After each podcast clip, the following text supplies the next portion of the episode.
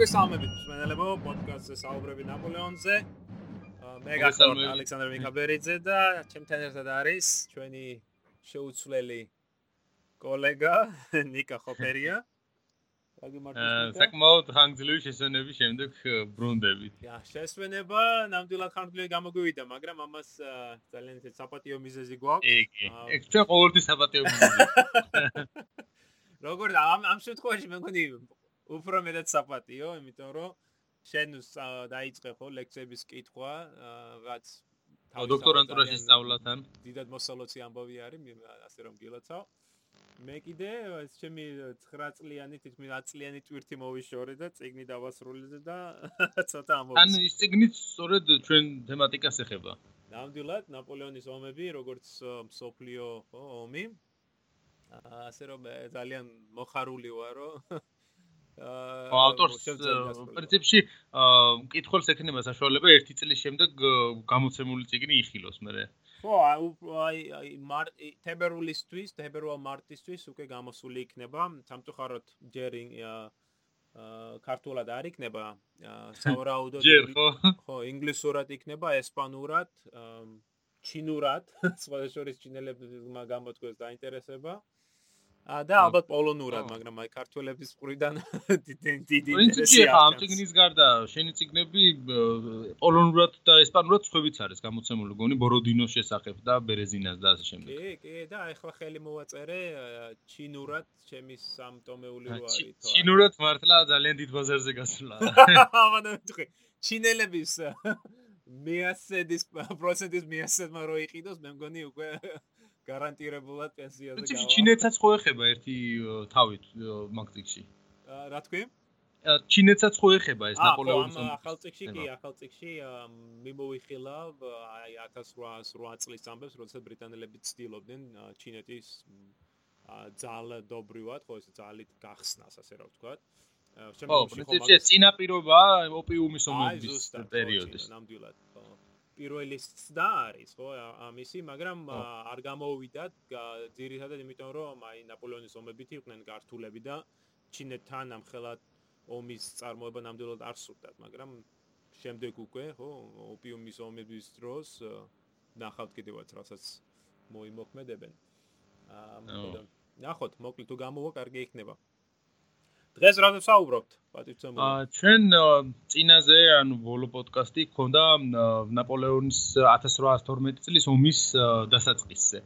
ანუ ნაპოლეონის ყველაზე საბედისწერო ომზე ეს არის რუსეთის ომი რომელიც არის ალბათ ყველაზე გარდამტეხი მომენტი ნაპოლეონის ომების ისტორიაში ჩვენ ვილაპარაკეთ ამ ომის მიზეზებზე, ვილაპარაკეთ თუ რომელი მხარე როგორ იყო მომზადებული და რა საჭიროება ქონდა ამ ომისთვის, როგორ დაიწყო ეს ომი, ასევე გეგმებზე თუ რომელ მხარეს რა გეგმები ქონდა, იქ თქვით ჩვენ რომ ნაპოლეონი როგორ აპირებდა რუსეთის შეჭრას და არმიები განადგურებას რუსების არმიების, რის შემდეგაც აიძულებდა რუსეთს რომ უკვე მასთან მოლაპარაკება დაეწყოთ, რომელიც რომელშიც წამყვანი თვითონ ნაპოლეონი იქნებოდა, ხოლო რუსების მხრიდან ნახეთ თუ რამდენიმენაირი მომის კონდათ ვარიანტი ამ მომისთვის ერთ-ერთი იყო თქვა ის რომ შეეტყუებინათ ღრმად ნაპოლეონი მეორე ვარიანტი იყო ის რომ შებზოლებოდნენ გამაგრებული ბანაკი ჰქონდათ აშენებული საიდანაც შემდგომში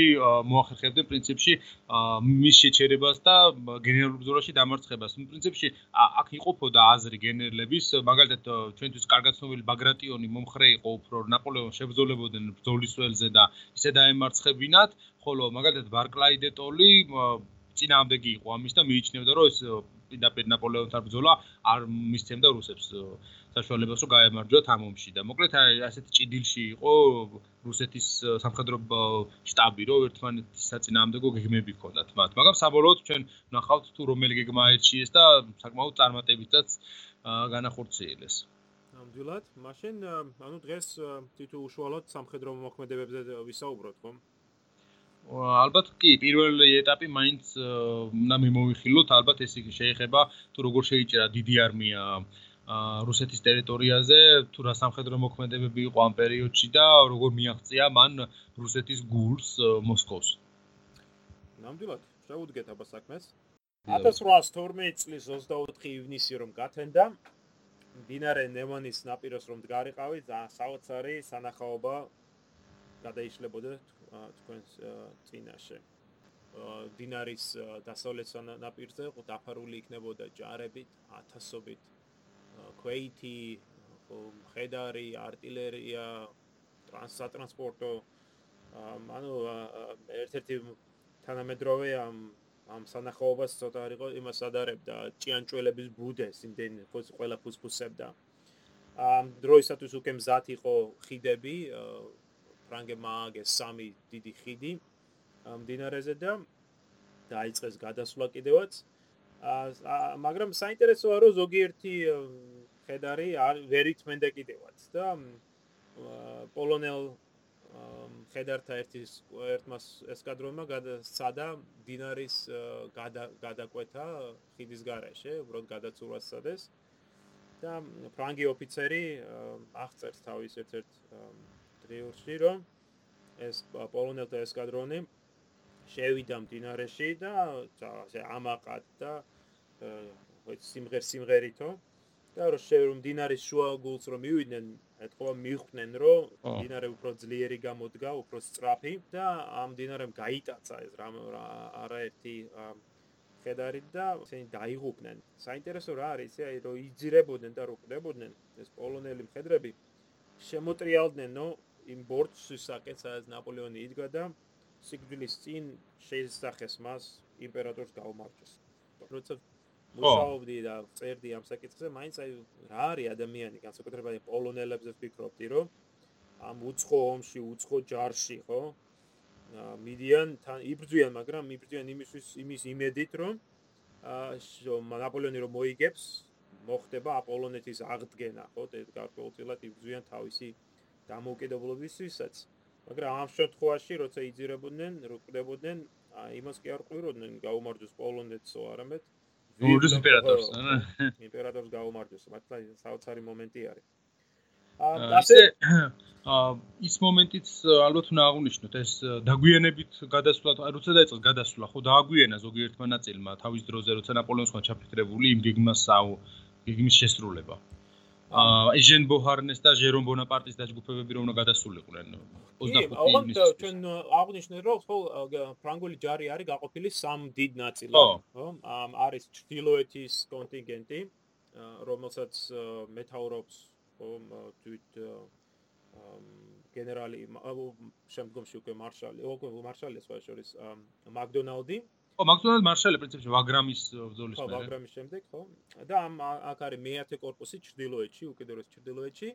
და ამ ამ корпуს მაკდონალდს корпуსში შედიოდნენ როგორც ფრანგი ფრანგი ჯარისკაცები, ერთი დივიზია ფრანგული, ასევე პრუსიელთა ქვედანაყოფი დაახლოებით 25000-იანი.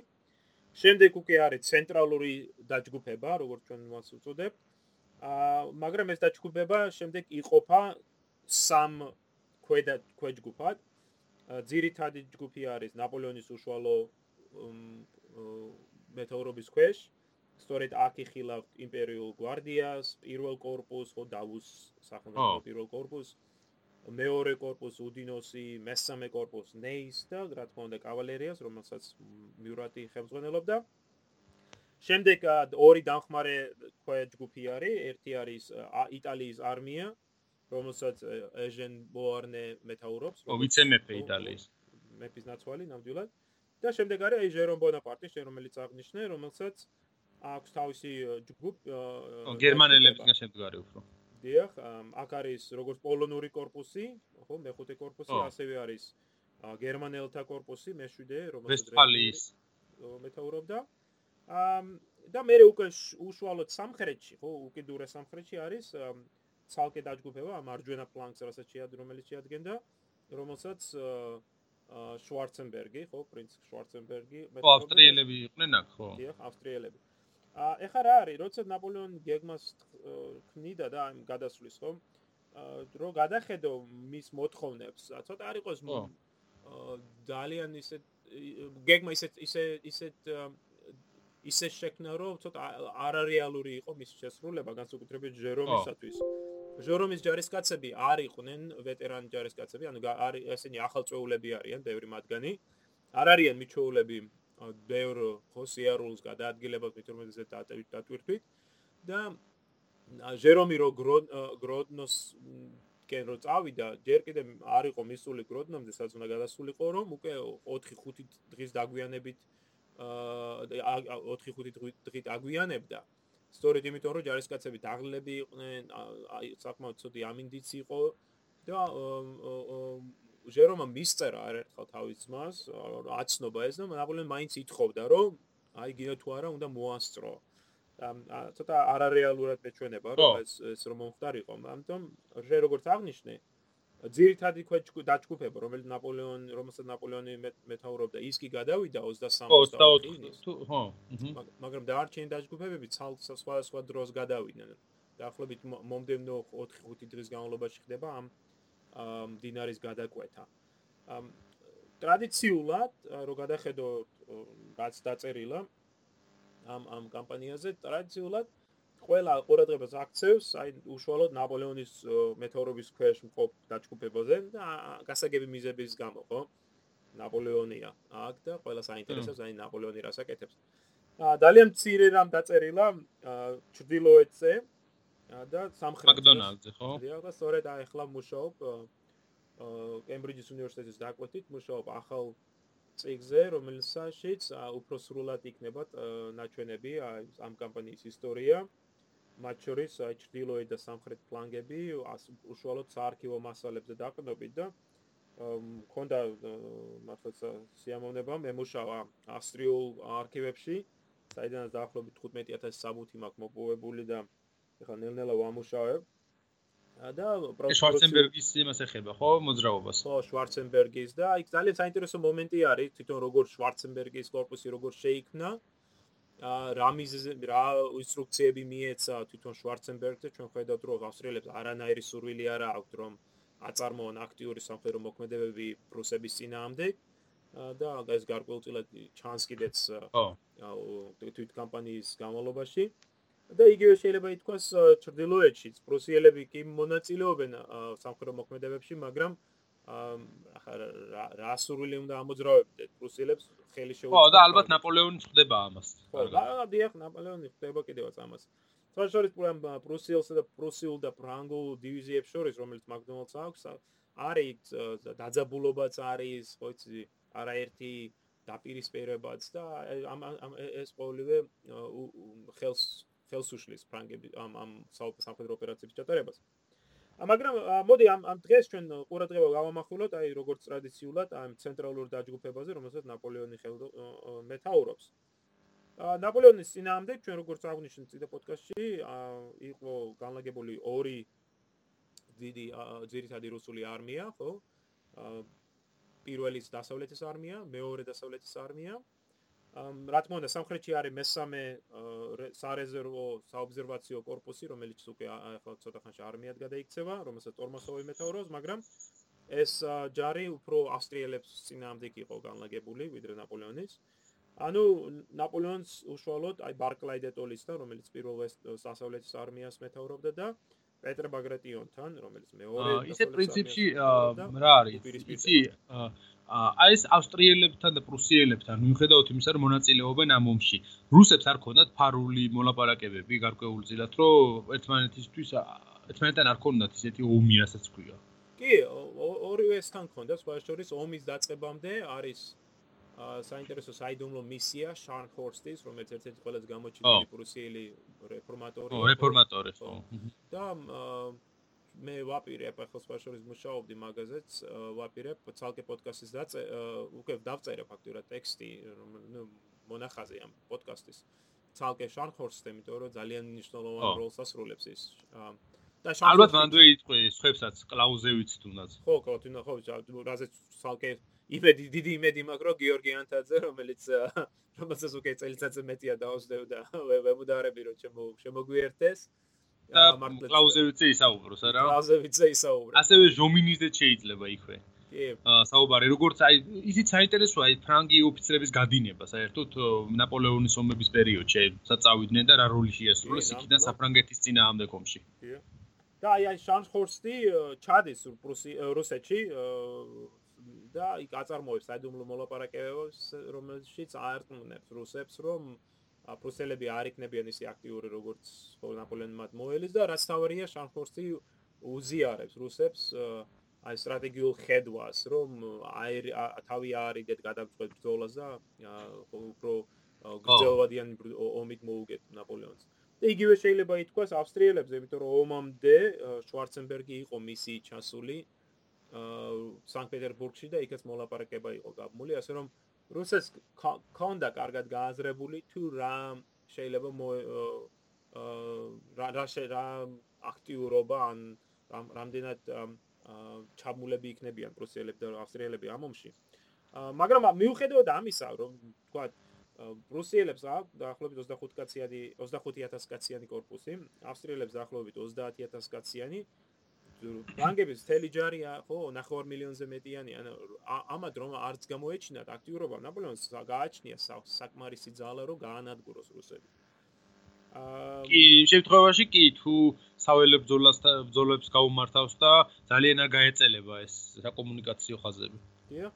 და აი ჩვენ პირველი მე როცა მუშაობ ამ კამპანიაზე მე გამოვყობ რამოდენიმე სტადიას ამ ამ ამ კამპანიაში და აი პირველი სტადია პირველი მომენტი, ნიშნულოვანი მომენტი არის აა ომიდან, ომის დაწყებიდან, ამ ნემონზე გადასვლიდან 20-64 ივნის აა პირველ ივლისის პირველ კვირამდე, ანუ პირველი ორ ნახევარ კვირა, ასე რომ ვთქვა. და მიზეზი იმისა, რომ აი გამოვყოფ მე ამის ამას ცალკე არის, რომ სწორედ აი ამ მომენტში ნაპოლეონი ცდილობს ჩაატაროს აა აა ეგრეთ ვილნის მანევრი, ანუ ვილნის ოპერაციას მე ხო, ვილნიუსის ალ დღევანდელი იმის თქო. ხო, მაგრამ იმ დროს ვილნას უწოდებდნენ. ხო, ვილნა კი. აა და ეს ძალიან საინტერესო ოპერაცია არის, არ არის კარგად შესწავლილი, საკმარის ყურადღება ნამდვილად არ ქონდა მიქცეული და აი მომდენ შემდეგ თვეში მაისში ამერიკის სამხედრო ისტორიის ისტორიკოსთა კონფერენციაზე გამოდივარ, სწორედ სიტყვი და აი ამ ოპერაციას განმიხილავ. იმიტომ რომ ეს ოპერაცია რომ წასული წარმატებული იყო ისე როგორც ნაპოლეონმა ნაპოლეონს სურდა, ომი დასრულებული იქნებოდა სწორედ აი პირველ ორ ნახევარ სამ კვირაში. ა ვილნის ოპერაცია გულისხმობდა შემტევ ოპერაციას ნაპოლეონის მხრიდან. აა როდესაც ნაპოლეონი ეცდებოდა საფლანგო მანევრებით აა გაენადგურებინა პირველი დასავლეთის არმია მაშინ როდესაც ჟერომი შეეცდებოდა ბაგრატიონის ყურადღების მიქცევას და შემდეგ როდესაც ბაგრატეტოლის ჯარი განადგურებული იქნებოდა სადღაც ვილნასთან ნაპოლეონი შეძლებდა ყურადღების გადატანას ბაგრატიონზე. მაგრამ აი აქვე აი ვილნის ოპერაციის დროსვე ჩვენ ხედავთ ისეთივე პრობლემა აი ძირითად პრობლემები რომელიც უკვე შემდეგ თელ კამპანიის აა ბეც გადაწყვეტენ. ერთ-ერთი უპირველესი პრობლემა რომელსაც ჩვენ ხედავთ და ეს მართლა ეს საინტერესო არის არის ფრანგები ომის დაწყებისთანავე ფრანგები მიხვდებიან რომ მათ ხელთ არსებული რუკები უარგისია აბსოლუტურად უარგისია.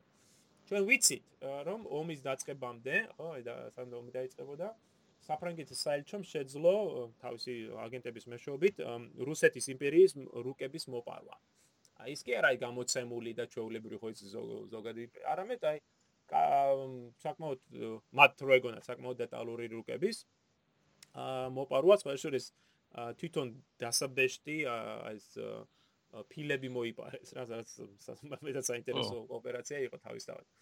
მაგრამ აი ომი რო დაიწყო, ომის დაწყებისთანავე გახდა აშკარა რომ ეს რუკა არ არის საკმარისად დეტალური სამხედრო ოპერაციების ჩასატარებლად. და როდესაც საფრანგეთის სამხედრო არქივში მუშაობდი, იქ არაერთი ნახე რა, არაერთი წერილი, რომელიც ნაპოლეონისგან გადის მარშლებთან და მე მარშლებიდან უკან, რომელშიც მუდამ ჩივიან იმაზე, რომ არიციან ზუსტად სად არიან, რა მიმართება, ხო იცი, რა მდგომარეობს სად.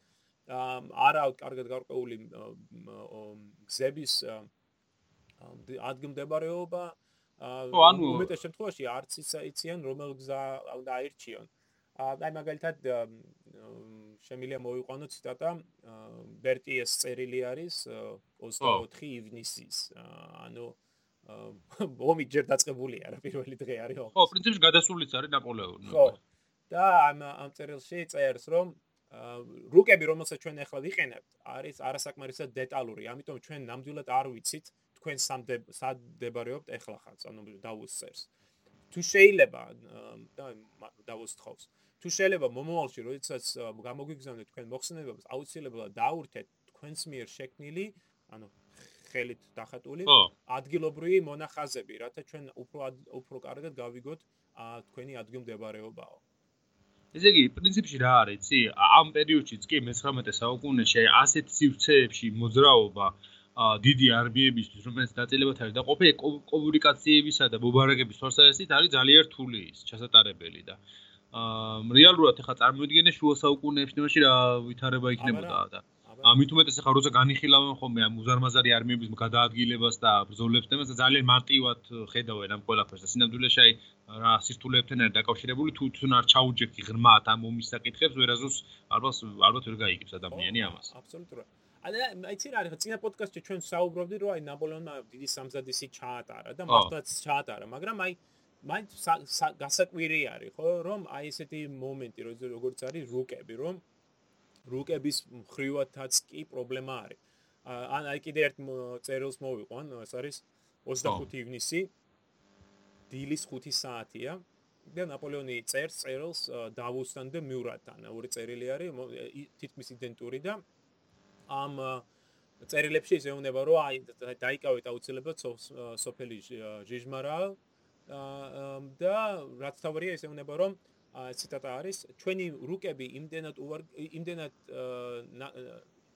ჩვენ ჩვენს რუკებში იმდენად ნაკლები დეტალებია რომ ფაქტურად მათი გამოყენება შეუძლებელი არისო და ამიტომ ხოს დაუსა და მიურაც რომ დღეში ორჯერ გაგზავნოს ინჟინრები და სადაზღვრო პატრულებთან ერთად რათა მათ ჩაატარონ ხო დაზღვევა ხო რეკო ხო რომ და მე მოვაწოდონ მას ეს ინფორმაცია.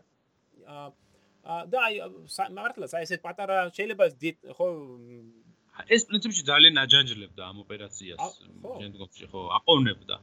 კი არა მარტო მაგას თვითონ გადაადგილებაც ხო პრობლემა არის, როდესაც კარგად არა გარკვეული თქვა რომელი გზა მნიშვნელოვანი არის, რომელ გზაზე შეიძლება თქვა ორი корпуსის გადაადგილება და რომელ გზაზე არის მხოლოდ ერთი корпуსი. თან იმ მომენტში იგებ ამ ყველაფერს, ანუ რეალურად აბსინასთან არ ახარ მზად ამისთვის.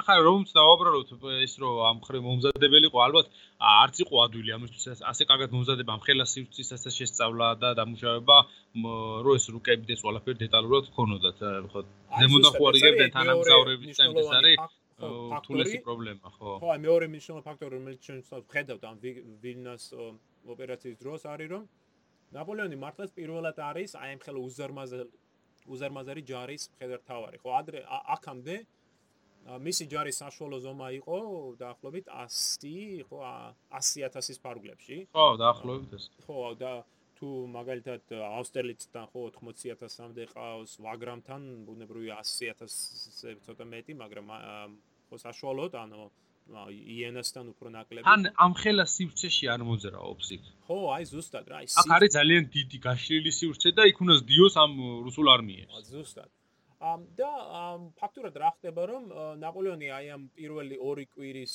განმავლობაში ცდილობს ბარკაიდეტოლის პირველი დასავლეთის არმიის იზოლირებას, ალყაში მოქცევას, ან ან საფლანგო მანევრებით განადგურებას, მაგრამ საბოლოოდ მარცხდება. აა მარცხდება იმ სამხედრო თვალსაზრისით კი არა, უბრალოდ აი თვითონ გეგმა მარცხდება, ხო?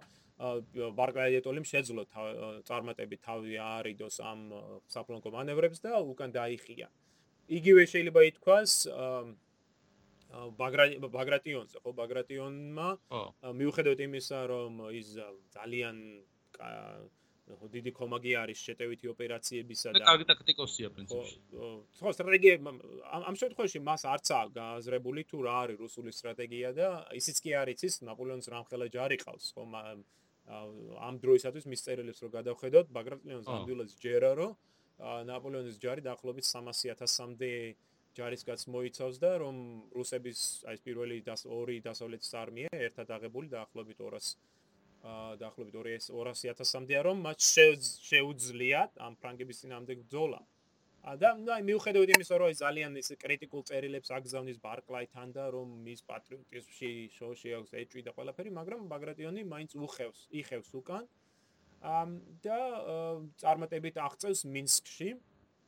რითაც რაშიც მას დიდ დახმარებამ გამოუჩინა აი ჟერომის დაგვიანება, ხო? ჟერომი ჟერომა დაიწყო შეტევა დაახლოებით 4 ნახევარი დღით დაგვიანებით. რამ რაც რამაც ბაგრატიონს მისცა აი ძალიან დიდი დროის უპირატესობა. ხო, მან უკან დახევა დაიწყო თითქმის ომის დაწყებისთანავე. და როდესაც ჟერომი ჩავიდა, თქვა გროდნოში და გადავიდა მდინარეზე, უკვე ბაგრატიონი მას იქ არ დახვდა, ის უკვე მიდიოდა. ისე ეს ნაპოლეონიც საინტერესო დანიშნა ეს ხა ჟერომი რა სამხედრო მეთაური იყო მახოლეს ჩააბარა. კიდევ ერთი ფაქტორი, მართალი ხარ. საერთოდ გამოცდილება არ ქონდა არანაირი არანაირი სამხედრო სიტყვა. მასაც ნათესავი ფლოჩი ფლოჩი ხო მსახურობდა. ფლოჩი მსახურობდა და ჩააბარა 100000-იანი არმია. აი ზუსტად აი ეგ არის პრობლემა აი ნაპოლეონთან რომ ერთის ხრივ ჩვენ ხედავთ პიროვნებას რომელიც აფასებს ნიჩს ერთის ხრივ ჩვენ ხედავთ პიროვნებას რომელიც მართლა აღაზევებს გენერლებს ხო ოფიცრებს რომელმაც დაიმსახურეს ეს და შემდეგ აი ესეც სისულელეს აკეთებს რა რომ იღებს ხო 4 корпуსმა ერთი корпуსი ხო ამ არ არის არა? 4 корпуსი იღებს და აბარებს თავის ძმას ჟერობს რომელსაც ფაქტიურად არანაირი გამოცდილება არ აქვს სამხედრო ოპერაციების ჩატარებისა რომ არაფერი ვთქვათ 4 უზარმაზარი корпуსის და ეხლა ვინ არის მაგის ქვეშ ხო? მაგის ქვეშ არის გამოცდილი გენერლები, როგორც არის პონიატოვსკი, რენიე, ვანდამი და ლატურმაბური. ვანდამი წარმოგიდგენთ ეხლა ვანდამის დამოკიდებულება ჟერომის მიმართ, ხო? ჩვენ სხვა შორის ვიცით კიდევაც. თუ რამდენად დამცინავი და კრიტიკული იყო ეს დამოკიდებულება. ჩვენმა ერთმა კარგმა მეგობარმა გალაჰერმა დაწერა საინტერესო ბიოგრაფია ვანდამის და ეგ კარგა წარმოაჩინა თუ რა რა რამდენად პრობლემატური არის აი ესეთი გამოუცდილი ვანდამს ვანდამი თან ძალიან ესეთი გამოუცდილი და ძლიერი საველე გენერალი იყო და მომავალ მარშლად მიიჩნევდნენ საერთოდ. ხო ხო. და აი ხლა ამ ამ ჟერომის ქვეშ არის მაგრამ აი ამ შემთხვევაში ხედავთ ნაპოლეონ ამ ხელა მაინც რო უნდა ეს ოჯახის წამოწევა წინ ხო? რაც პრობლემა არის, ძალიან დიდი პრობლემა არის. საბოლოოდ პირველი სამი კვირა ხო ვილის მანევრის წარუმატებლად დასრულდა როგორც აღნიშნეთ. მართალია ნაპოლეონმა შეძლო ხელში ვილნისის ხელში ჩაგდება, ხო? მაგრამ 28 ივნისისათვის ის უკვე ვილნისში არის. მაგრამ რუსებმა უკან დაიხიეს. აი აქ შემდეგ ჩვენ ხედავ კიდევ ერთ საინტერესო ფაქტორს. ეს არის თვითონ ამინდი, ან უამინდობა.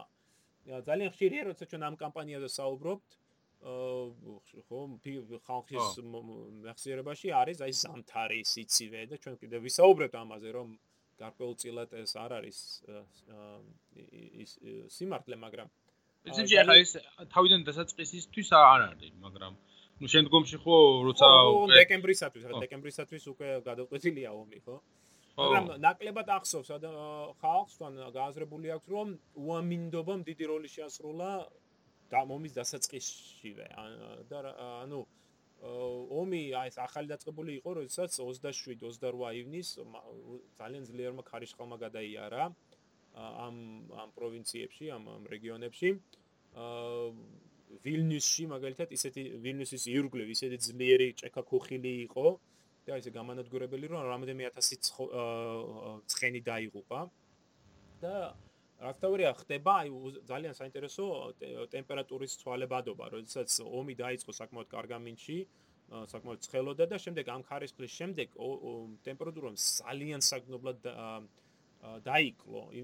იმდენად რომ აი აცივებდათ რა ამ ჯარისკაცების განსაკუთრებით ღამით.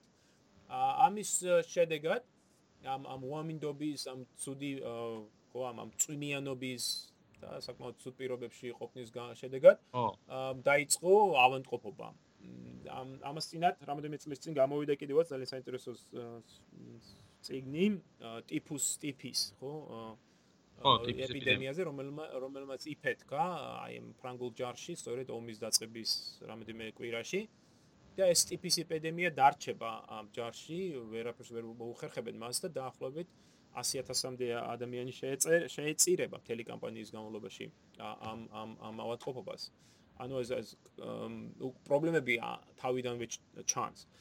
კიდევ ერთი პრობლემა დიდი არმია როცა მოძრაობს ყოველთვის ასეთი რაღაცა მოსალოდნელია ხოლმე. ანუ ეს ავანტყოფობები და ეს რა.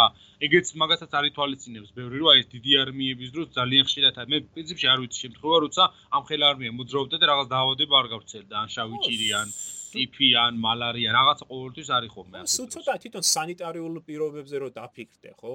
ან როგორ ის ყოფილიყო ეხლა ამ ამ მდგომარეობაში ხო სანიტარული. ხო, ანუ ეხლა 2 დაახლოებით 200000 კაცი, დაახლოებით 200 250000 კაცი ყავს ნაპოლეონს უშუალო თავისი მეტეოროლოგი ხო ქვეშ. ანუ ეს 200000 კაცს ყოველ დღეს ერთხელ ან ორჯერ მაინც ხომ მოისაქმებდა ხო? ესე რომ აა იმ იმ შემთხვევაში იმ ისეთ პირობებში როდესაც არანაირი ხო სისტემა არ არის რომ აა ეს თქვა სადღაც ერთ ადგილას მოისაქმო და ეს ეს შენს მიერ დატოვებული ხო? ო. მე კიდე რამდენი რამდენი კუდებოდა და ეს გვამებისგანაც უჩდება ხო 1000 რამე ხო ნუ გვამებს კიდე შეიძლება რა შეიძლება დამარხავდეს ხო. ხო ან დამარხო რასაც ასენი აკეთებენ კიდევაც მაგრამ აი ხო თქვა ცხენების შემთხვევაში. მაგრამ ნაკლებად არის გააზრებული ამ ამ მომენტში თუ რა ხელა პრობლემა არის თქვა განავალის დატოვება უზარმაზარი ოდენობით. ო დინარეების ახლოს ან ან წყაროებთან რომელსაც შემდეგ იყენებ ხო დასალევ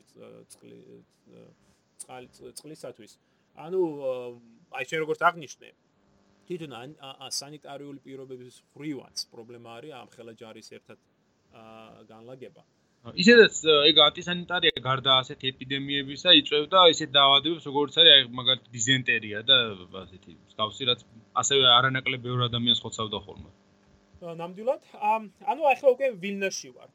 ვილნაში შესვლა იმით არის აღსანიშნავი რომ მსმენელ შევახსენებ რომ ვილნა და მის ირგვლივ არსებული ზარმადერ ტერიტორია პოლონური იყო ხო ლიტურ პოლონური იყო მაგრამ აი პოლონეთის გადანაწილების დროს რომელიც ამ ისტორიული თვალსაზრისით ეხლა ხანს მოხდა ხო მე ფრანგების შეტევა იწყება 1812 წლის ივნისში ბოლო მესამე პოლონური გადანაწილება დასრულდა 1795 წელს. ანუ და რა 17 წლით ადრე.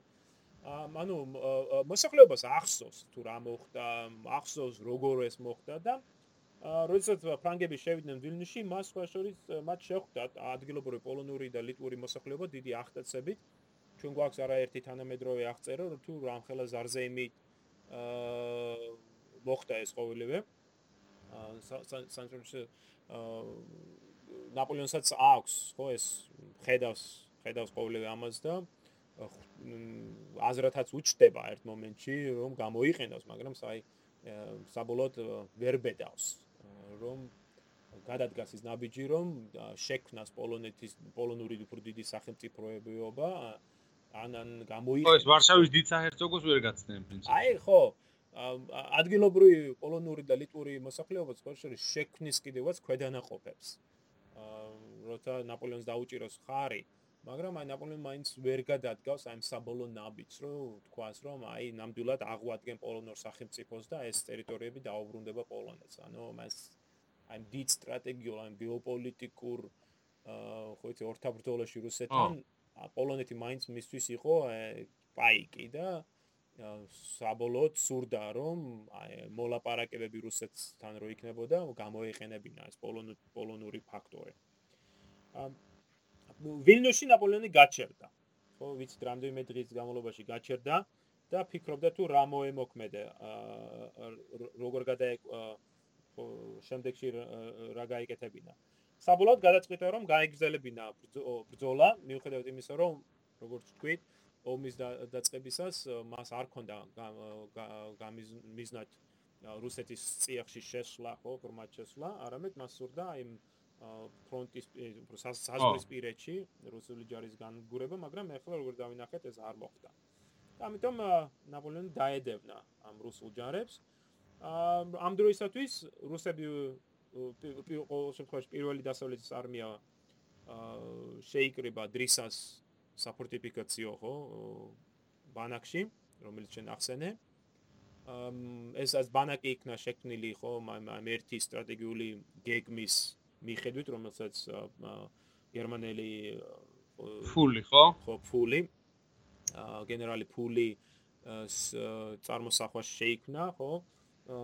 მაგრამ იქ არის დღემდე არის ჯერ კიდევ დავა თუ რა წარმოადგენდა ეს ფულის გეგმა, იმიტომ რომ სამწუხაროდ თვითონ უშუალოდ გეგმის დედანი არ არის შემორჩენილი.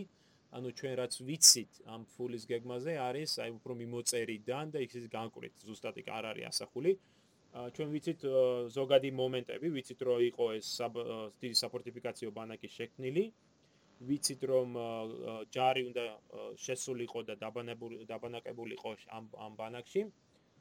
მაგრამ ამ შემდეგ უკვე ცოტა არ იყოს გაუკვეულია რა იყო ამის შემდეგი ეტაპი. კлауზევიცმა დიდი როლი შეასრულა ამ ამ ფულის გეგმის გაკრიტიკებაში, ვინაიდან თავის შემდგომ ნაწერებში ის ანადგურებს ფულს, ხო, ამბობს რომ ეს აბსურდული იდეა იყო, რომ რუსები შეძლებდნენ საფორტიფიკაციო ამ ამ ამ ბანაკში ხო. დაცვას მაგრამ მე რო მუშაობ ამ წიგზე ნახე საინტერესო ცნობა როცა ფული ამ ომის შემდეგ უკვე ხო ეს არის 15 წელი მე მგონი 15-16 წელია ამ ჰოლანდიაში არის და იქ ხდება ერთ-ერთ პრუსიელ ოფიცერს.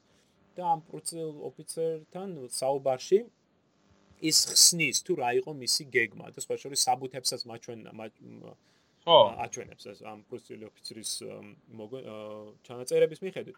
და იქ იქ მაგალითად ამ ამ ამ საუბრიდან გამომდინარე ჩანს რომ დრისას ბანაკი არ იყო საბოლოო დანიშნულების ადგილი რუსული ჯარებისაც ანუ ეს არ იყო ის ადგილი სადაც მათ უნდა ებრძოლათ არამედ ეს იყო აი გარდამავალი მომენტი ადგილი სადაც რუსული ჯარი დაისვენებდა მოახდენდა ხო რეორგანიზაციას, შეაფასებდა სიტუაციას და შემდეგ განაგრძობდა უკან დახევას.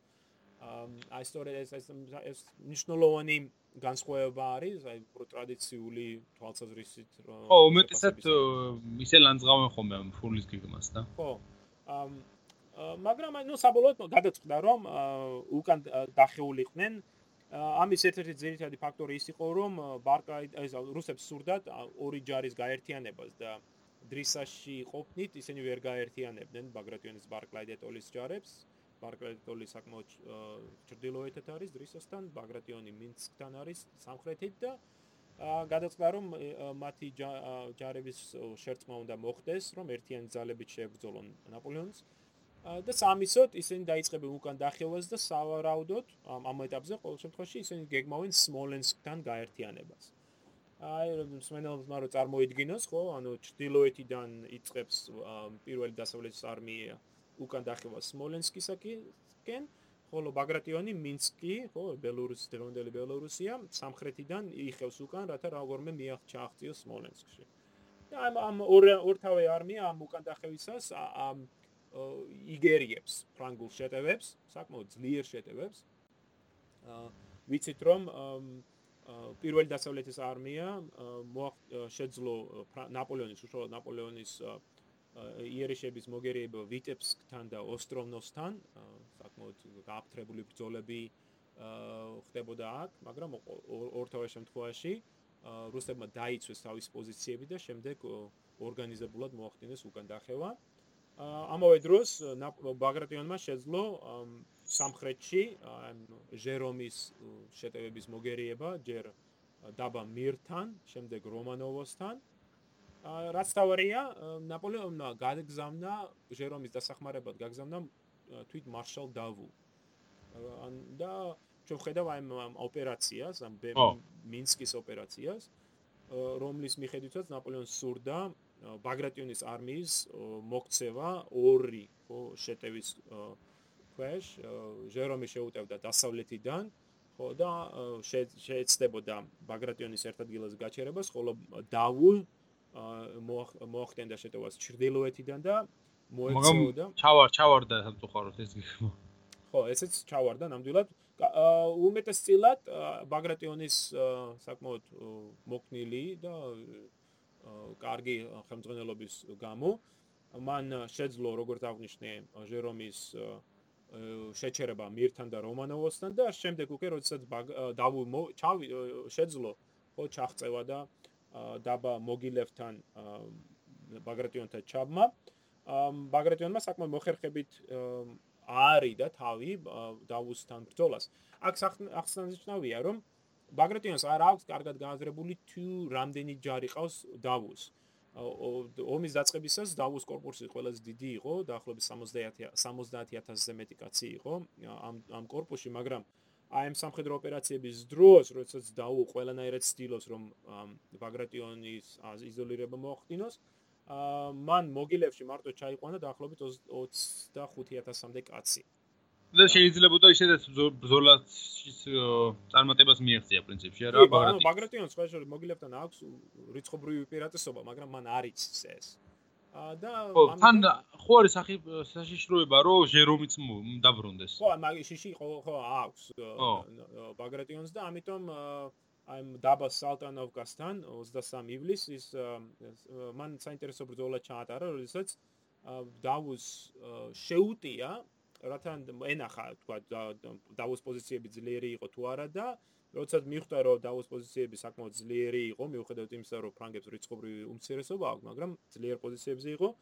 მან თავი მოაჩვენა დაუს რომ ის განაგზობდა შეტევით ოპერაციებს მაშინ როდესაც სინამდვილეში სალტანოვკასთან სამხრეთით ააგო ხიდი ბაგრატიონმა გადაიყონა მთელი თავისი ჯარი და ფაქტორი თავი არის და ამ ამ ბრძოლას ყოველი ამის შედეგად 2 აგვისტოს პირველი და მეორე დასავლეთის არმიებმა შეძლეს გაერთიანება სმოლენსკთან რის შედეგად მათი საერთო ძალები დაახლოებით 125-130000 კაცამდე აღწევდა. მაშინ როდესაც ფრანგული ჯარი განდარმე დიდი არმია ნაპოლეონის უშუალოდ მეთაურობის ქვეშ განიცადა საკმაოდ დიდი დანაკარგები ნაპოლეონის აი უშუალოდ მეთაურობის ქვეშ ყოფი ძალა ქვედანაყოფი იყო დაახლოებით 250000-მდე, როდესაც ომი დაიწყო. მაგრამ ამ დროისათვის, აგვისტოს პირველი კვირისათვის, მას დაახლოებით 180000 იყავს. ანუ დარჩენი ან დაავადების შედეგად მოკვდა, ან უამინდობის შედეგად, ან დეზერტირება, ხო, დეზერტირი გახდა. ან იქნა განზღავნილი სხვა სხვა სოფლების დასაკავებლად, ანუ დაახლოებით 180000-მდე კაცი ყავს ნაპოლეონს ხელ. ამ რუსიაში რო გადავხედოთ აი ამ კამპანიის პირველ ამ ამ პირველ ნახევარს, ხო? ანუ ნემანიდან სმოლენსკამდე. რას ხედავთ ჩვენ?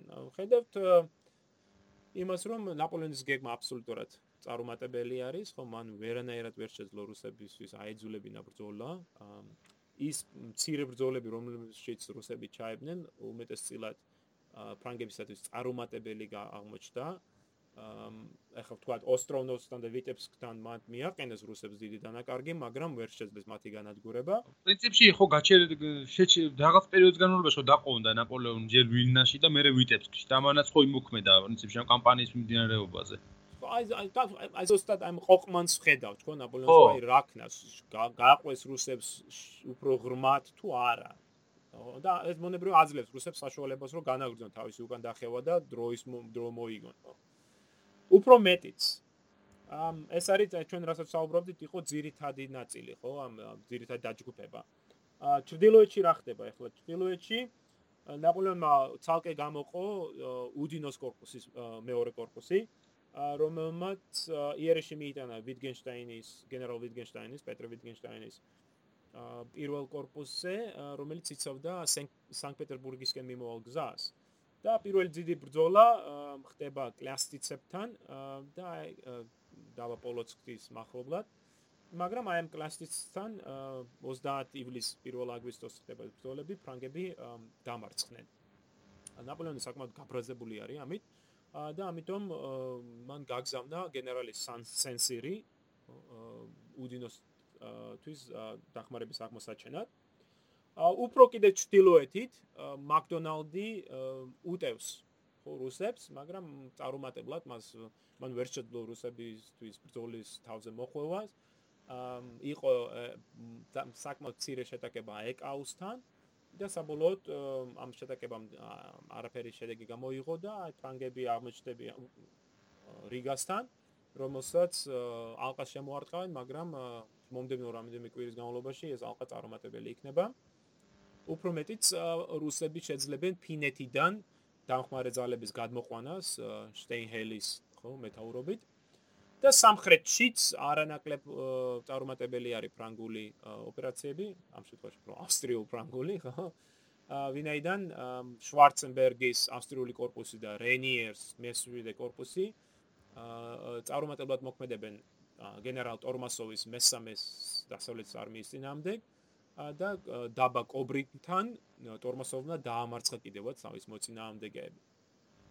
და როგორც აჩდილოეთში შეძლეს რუსებმა დამხმარე ძალების ფინეთიდან გადმოყვანა, ასევე ვხედავ ჩვენ სამხრეთში რუსების მიერ დამხმარე ძალების გადმოყვანას დუნაის პირეთიდან, როგორც მენელს ახსოვს, ოსმალეთთან ომის წინააღმდეგ ხო? ხო, მაისის ბოლოს ხომ მოაწერეს თურქებთან ზავი.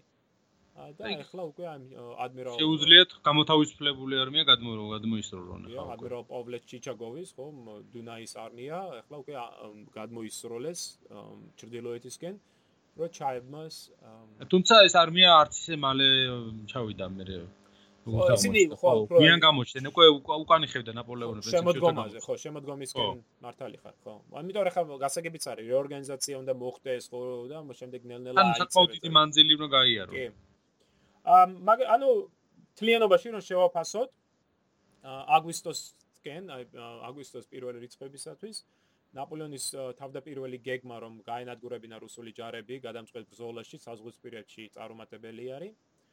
რუსეთის გეგმა რომ მეთოდურად ხო განეხორციელებინათ უკან დახევა და გაერთიანებულიყვნენ წარმატებული არის.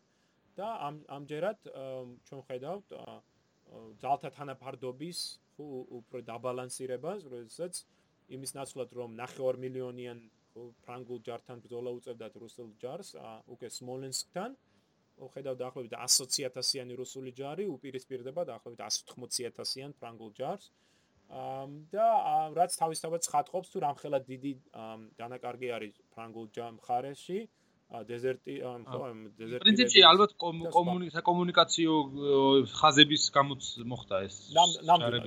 რა თქმა უნდა ხო ჭირდებოდა კონტროლი საკომუნიკაციო ხაზებს რომ ტერიერ გასულიყო თქვა ხო აბარა უმე ხა ავანტყოფობის და ბრძოლებში დანაკარგები საგნობია მაგრამ იმდენით არა ძირითადად ეს არის აი სწორედ საკომუნიკაციო ხაზების და დასამყარებლად თვითონ ო იმ ხელას სიცეში შევიდა ეს არმია და თან ამდენი მათ არის დაყოფილი და წარმოიდგინე ამ ხელა ის დაჭirdებოდა საკომუნიკაციო ხაზები ამას რომ მიწოდება ქონოდა რესურსებისა და თუნდაც იქ ინფორმაციის გასვლა გამოსვლა და ეს და რამხელა შენაერთები დაჭirdებოდა ამის კონტროლს ამ ყველაფრის ეს. ეხლა სმოლენსკში რომ გაერთიანდნენ რუსული ჯარები ბუნებრივად მათნა გადაწყვიტონ რა მოიმოქმედონ შემდეგ. და აქ ჩვენ ხედავთ რასაც მე ჩემს კვლევაში უწოდებ გენერლების შეთქმულებას. ანუ რაც გულისხმობ? რუსული ჯარის ჯარში ჩვენ ხედავთ ორი დაჯგუფების ჩამოყალიბებას.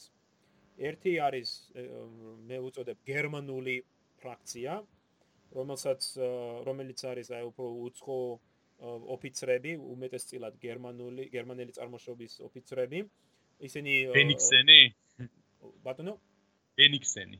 აა ნამდვილად ბენიქსენი ნაკლებად, იცი რა, ბენიქსენი არ არის რუსეთში გადის, ხო? იმიტომ რომ ბენიქსენი ასე თადარიქში არის, ხო?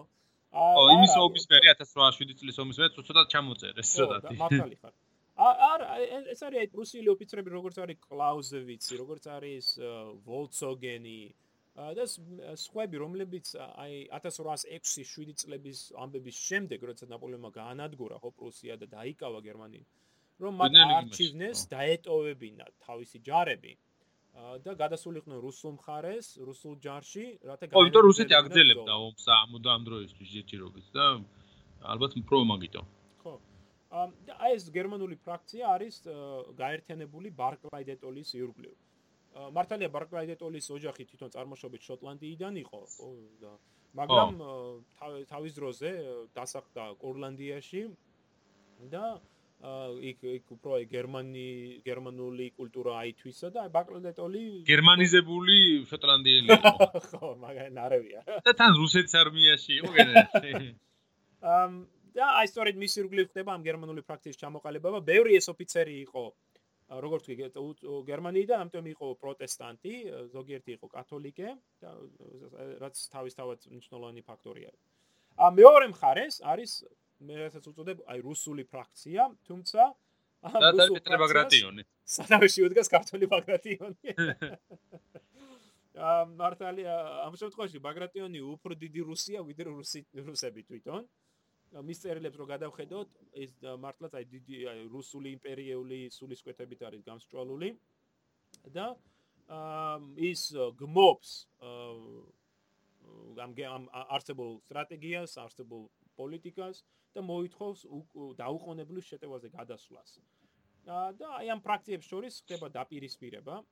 აა იმიტომ რომ მართალია ბარკლაიდეტოლი არის პირველი დასავლეთის არმიის უფროსი. ბაგრატიონი არის მეორე დასავლეთის არმიის უფროსი, მაგრამ ხერდარ თავარი როგორც ასე ერთი მხედარ თავარი არც ერთი არ არის. ბაგრატიონის ცოტა უპირატესობა აქვს, იმიტომ რომ ის ასევე არის სამხედრო მინისტრი და როგორც სამხედრო მინისტრი მას აქვს ხო ძალაუფლება უფრო მაღლა დგას. ჯარდ, მაგრამ ახლა ბაგრატიონი იმხელა რეპუტაციის კაცი არის, რომ მაინც უჭირს ბაგრატიონის მის გაკონტროლებას. აშკარა არის რომ საჭირო არის რაღაც ერთი ხო მხედარ თავარის დანიშნა. და აი სმოლენსკთან ბაგრატიონის და ბაგრატიონის დაპირისპირება ხდება, საკმაოდ ისეთი ძლიერი. ბაგრატიონმა აიძულა ფაქტიურად ბარკაიდეტოლი გადასულიყო შეტევაზე, ანუ ნება დაერთო ამ შეტევითი ოპერაციის ჩატარებაზე და მართალია ბარკაიდეტოლის არ სურს ეს, მაგრამ ის ხდება თუ რამ ხელა დაპირისპირება არსებობს რუსულ ჯარში და ამიტომ თან ხდება და აი აგვისტოს შუა რიცხვებში იწება რუსების კონტრშეტევა პირველი კონტრშეტევა ამ ომის დაწყებიდან. სამწუხარო ის არის რომ ამ კონტრშეტევა ფაქტობრივად არ აი მიზანი მიზანი აცა ვიღაცა არის ესე იგი გადაადგილებს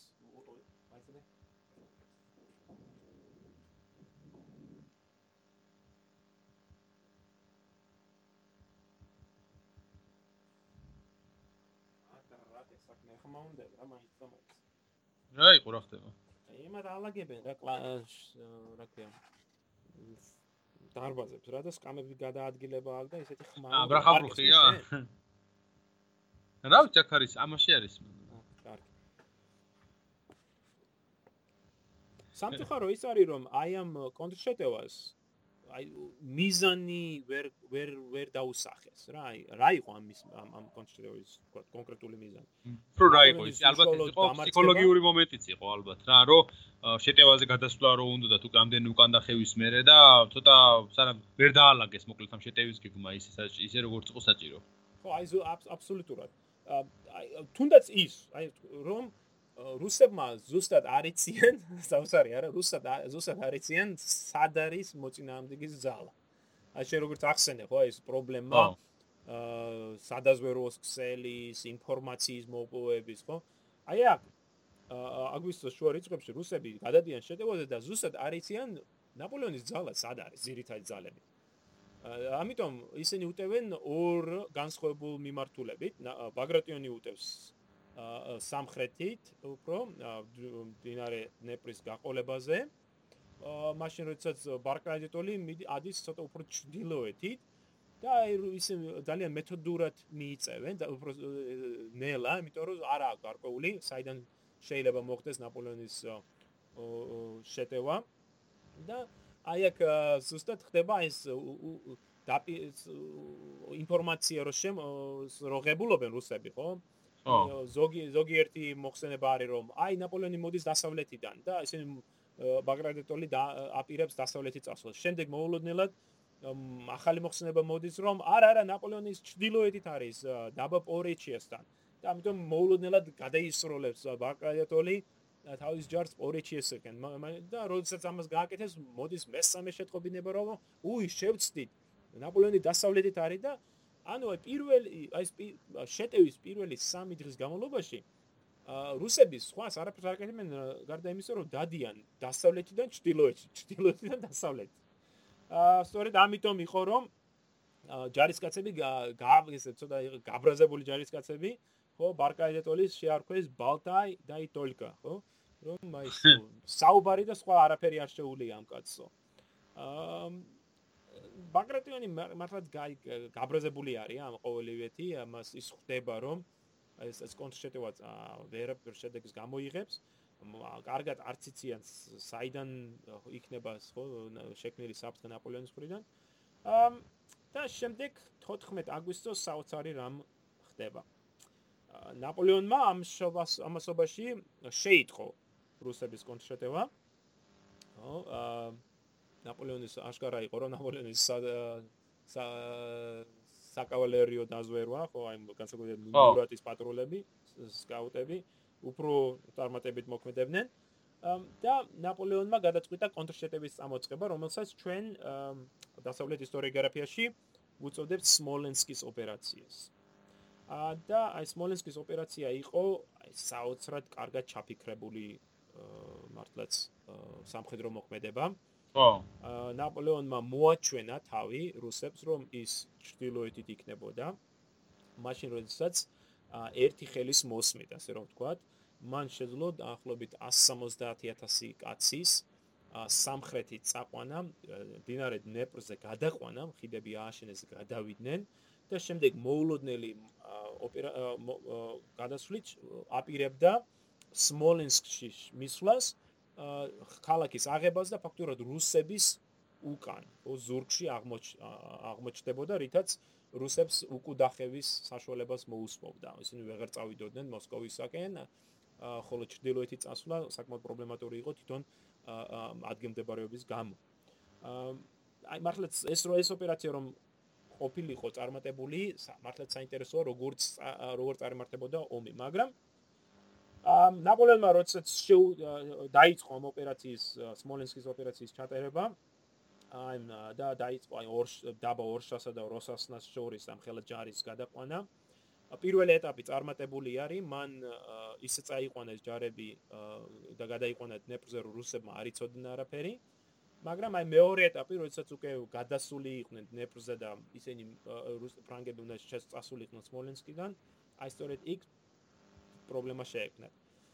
ბაგრატიონმა რაღაც ალბათ გულმა უგზნო.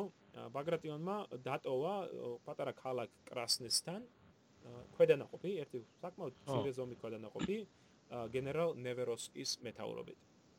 და სწორედ აქ 14 აგვისტოს მოხდა მართლა საოცარი ბრძოლა რუსულ ქვედანაყოფსა და დიდი არმიის შორის. ნევეროსკის ქვედანაყოფმა შეძლო ამ უზარმაზარი ჯარის შეჩერება მთელი დღით. მიურატმა ამ ხოლად ამ ბრძოლაში 40-ზე მეტი შეტევა წამოიწყო რუსულ ჯარზე, ამ რუსულ ქვედანაყოფზე. ბრძოლის ბოლოსკენ ნევეროსკიმ შეძლო ამ უზარმაზარი აღეს, ხო, ოთხკუთხედის შექმნა, რომელშიც რამოდენიმე ათასიანი რუსული ჯარი, ესა ჯორიცკაცი იყო. და აი მათ არანაი უფრო აი უბრალოდ ერთ მარტკუთხედად უკან იხევდნენ. და იგერიებდნენ ამ ამ ფრანგულ კავალერიის შეტევებს და როგორც დავიდოვი აღწერს ამას, ხო ისინი ლომებივით იბრძოდნენ, ეს დანის დენის დავიდოვი და როცა ისინი სმოლენსკში დაბრუნდნენო მათი მათი თითეული ხო თითეული სახე უკვდავი დიდებით წინავდაო. ნევეროსკის ბრძოლა მან კრასნისთან მართალია დიდი დანაკარგი მიაყენა მის ქვედანაყოფს, მაგრამ გადამწყვეტი გადამწყვეტი როლი შეასრულა ამ ოპერაციის ფრანგული ოპერაციის წარუმატებლობაში. ნაპოლეონმა დაკარგა ამ სურპრიზის მომენტი, ხო, მოულოდნელობის მომენტი და ვერ შეძლო სმოლენსკში ხელში ჩაგდება. როგორც კი რუსებმა შეიტყვეს, რომ ნაპოლეონი არც დასავლეთით არის არც ჩრდილოეთით, ის სინამდვილეში სამხრეთით არის, მათ დაუყოვნებლივ დაიწყეს სმოლენსკში დაბრუნება. 15 აგვისტოს ნაპოლეონის დაბადების დღეს იწყება უზარმაზარი ბრძოლა სმოლენსკისათვის რომელიც ორი დღეს გასტანს ხო 15 ო ეს უკვე პრინციპში საქალაქო ბრძოლაა რა ფორტიფიკაციების. ხო და და აუტანელი ბრძოლა არის ხო სმოლენსკი და დაცული არის მე-17 საუკუნის უზარმაზარი კედლებით. და ფრანგებს და პოლონელებს და გერმანელებს და ყველანი ვინც ნაპოლეონის ხელთქვეშ არის უჭირთ ქალაქში შეღწევა. ორი ორი დღე დაჭირდათ რა პრინციპში რო არის. და ფაქტურად და დაბომბეს ქალაქი იმდენად რომ თითქმის თლიანად გაანადგურეს ხო, ხშირად არის ხოლმე, შესაძლოა აი მე მე მე-19 და მე-20 საუკუნის რუსულ ლიტერატურაში გამახვილებული ყურადღება ამ ბრძოლაზე. ხო, ნდი აი რუსების ზოზე მათა ჰეროიკული ხო ეს ძალიან გმირული ბრძოლა არის. აი როგორ გმირულად იცავდეს ბოლოს, აი ეს ხაზია ხო გასმული ამ მომენტზე. ხო, ქალაქში ომი ბრძოლამდე იყო 2250 ნაგებობა. და ბრძოლის შემდეგ მარტო 300-მდე ნაგებობა იყო გადარჩენილი, ნარჩენს უგადამწვარი და განადგურებული იყო. ამ საბოლოოდ რუსებმა დაკარგეს დაახლოებით 10000 კაცი, ალბათ 15000 კაცამდე და გადაწყვეტა საბოლოოდ მიიღეს გადაწყვეტილება, რომ განეგრძოთ უკან დახევა.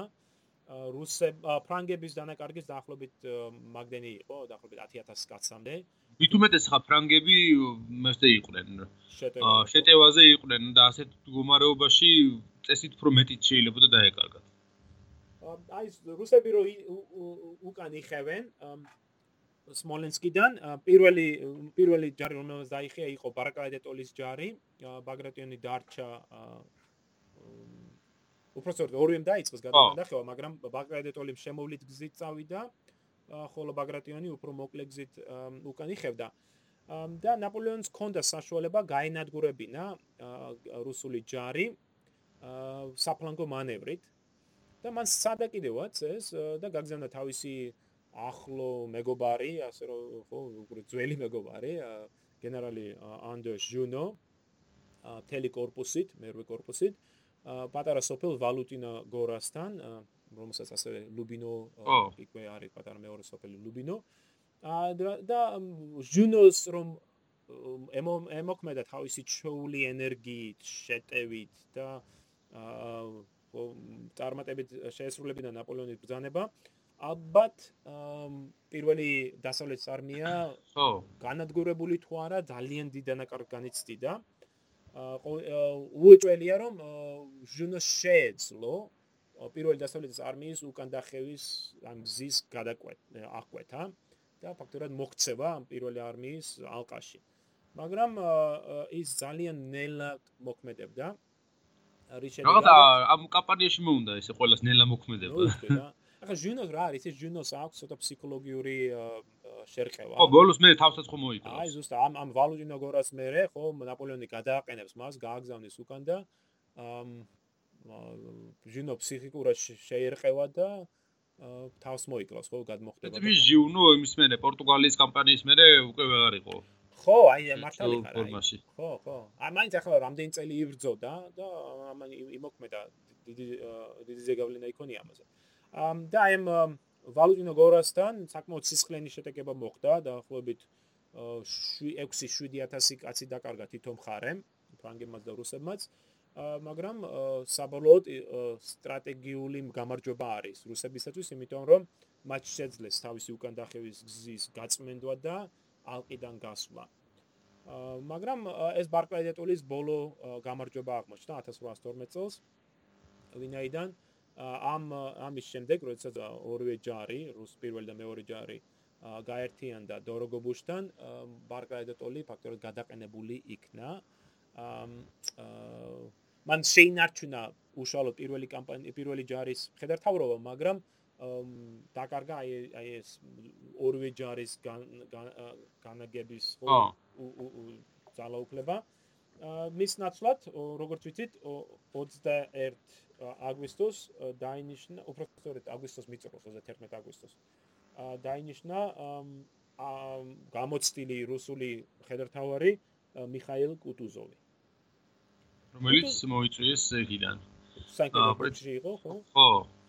აა კუტოზომა რა თქმა უნდა გამარჯვა ხო აი თურქებთან უკანასკნელ კამპანიაში სწორედ მისი დამსახურება არის რომ თურქები გამოითიშნენ ომს 1812 წელს. მაგრამ ვიცით რომ კუტოზომა საკმაოდ გამოცდილი გენერალი არის მე აა უფრო აი ფაბიუსი ხო გახსოვს შენ? ხო. სწორედ სწორედ ხო.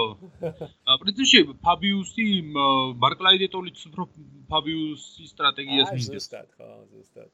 საინტერესო რუსების სტრატეგია არის ფაბიანური. ხო, ფაბიანური. რა არის ის საინტერესო? ა ფაქტობრივად ბარკვედეტოლი გადააყენეს ამ ფაბიანური სტრატეგიის გამო, ხო? ყველამ დაგმო. ა უზარმაზარი წნეხის ქვეშ არის ეს კაცი. ა ღიად ბრალსდებენ ღალატში. როცა მოგზაურობდა ხო როცა მიდიოდა ჯართან ერთად ჯარი ჯარისკაცებშიც კი არის საუბარი მის გადაყენებაზე ხალხში აურაცხელი რაღაც ცუდი რამ ხდება ამ ბარკაიდეტოლის თავს. და ამის ფონზე ინიშნება ეს კუტუზოვი რომელიც აი საუბრობს იმაზე რომ აუ რუსები ჩვენ არასოდეს არ არ არ ვიხევთ ჩვენ მუდამ შეტევით ხო ობს ვაწარმოებთ. ის ის კუტუზოვი ახსენებს ხალხს აი სუვოროვის მაგალითს, რუმენცოვის, ხო, დიდი ფელდმარშალი რუმენცოვის მაგალითებს, ჩვენი გამარჯვებები და ასე შემდეგ, ასე შემდეგ და მე 31 აგვისტოს ჩამოდის ჯარში და მისი პირველი ბრძანება რა არის? უკან დავიხიო. აა მაგრამ აი აქ აი ცოტა ეს ზენოფობიური მომენტი არის, ხო? ბარკლაიდატოლი არის უცხოელი მაინც რუსულ ხო და მა აბრალებენ მე რაღაც რაღაცებს მოგიწევს. და ის როცა ამბობს, უნდა და უკან დავიხიოთ, ის ღალატის თოფასია. კუტუზოვი რუსია. ой, აი რუსი და როცა ის ამბობს, რომ უკან დავიხიოთო, ეს უფრო სტრატეგიული გადაწყვეტილება არის და უფრო მისაღებია. ამ კუტუზოვმა დაიხია დოროგობუჯიდან და ამ დახევი უკან დახევისას ის ხვდება, რომ საჭიროა ბრძოლა. არა სამხედრო თვალსაზრისით როგორც ასეთი, იმიტომ მას სხვა შორის არ აქვს ამ მომენტში დიდი იმედი რომ ის შეძლებს ფრანგების დამარცხებას, მაგრამ ის ის იაზრებს რომ ბრძოლა არის უფრო პოლიტიკური მომენტი აქ. და საბოლოოდ მისი მისი დავალებით შერჩეული იქნა საინტერესო პოზიციები, საკმაოდ ძლიერი პოზიციები სოფელ ბოროდინოსთან, მოჟაისკის და ხო მოჟაისკთან, რომელიც მოსკოვიდან დაახლოებით 100 100 100 კილომეტრის დაშორებით არის, აღარ მახსოვს რამდენია ზუსტად. აა ისე პოზიციების შერჩევა ხომ მას უყარდა რუს გენერლებიდან ბენიქსენს. ო, ბენიქსენს. მაგის სპეციალისტად თვლიდა თავს. კი, კი. აა დიდი მოყვარული კი იყო ამისი. და რაც თავია როგორც წესი როცა შეარჩევდა პოზიციებს მე რე თუ წარუმატებლად თუ იყო ბრძოლა თუ წარუმატებლად წარემართებოდა მე უკვე ამბობდა რომ ეს ჩემი შერჩეული კი არისო ამ და სწორედ აქ ბოროდინოს სოფელ ბოროდინოსთან 1812 წლის სექტემბრის დასაწყისში ჩვენ ხედავთ ამ დიდ დაპირისპირებას ორ გენერალს ორ ქვეყანას ორ ჯარს შორის რომელსაც ჩვენ შემდეგ პოდკასტში განვიხილავთ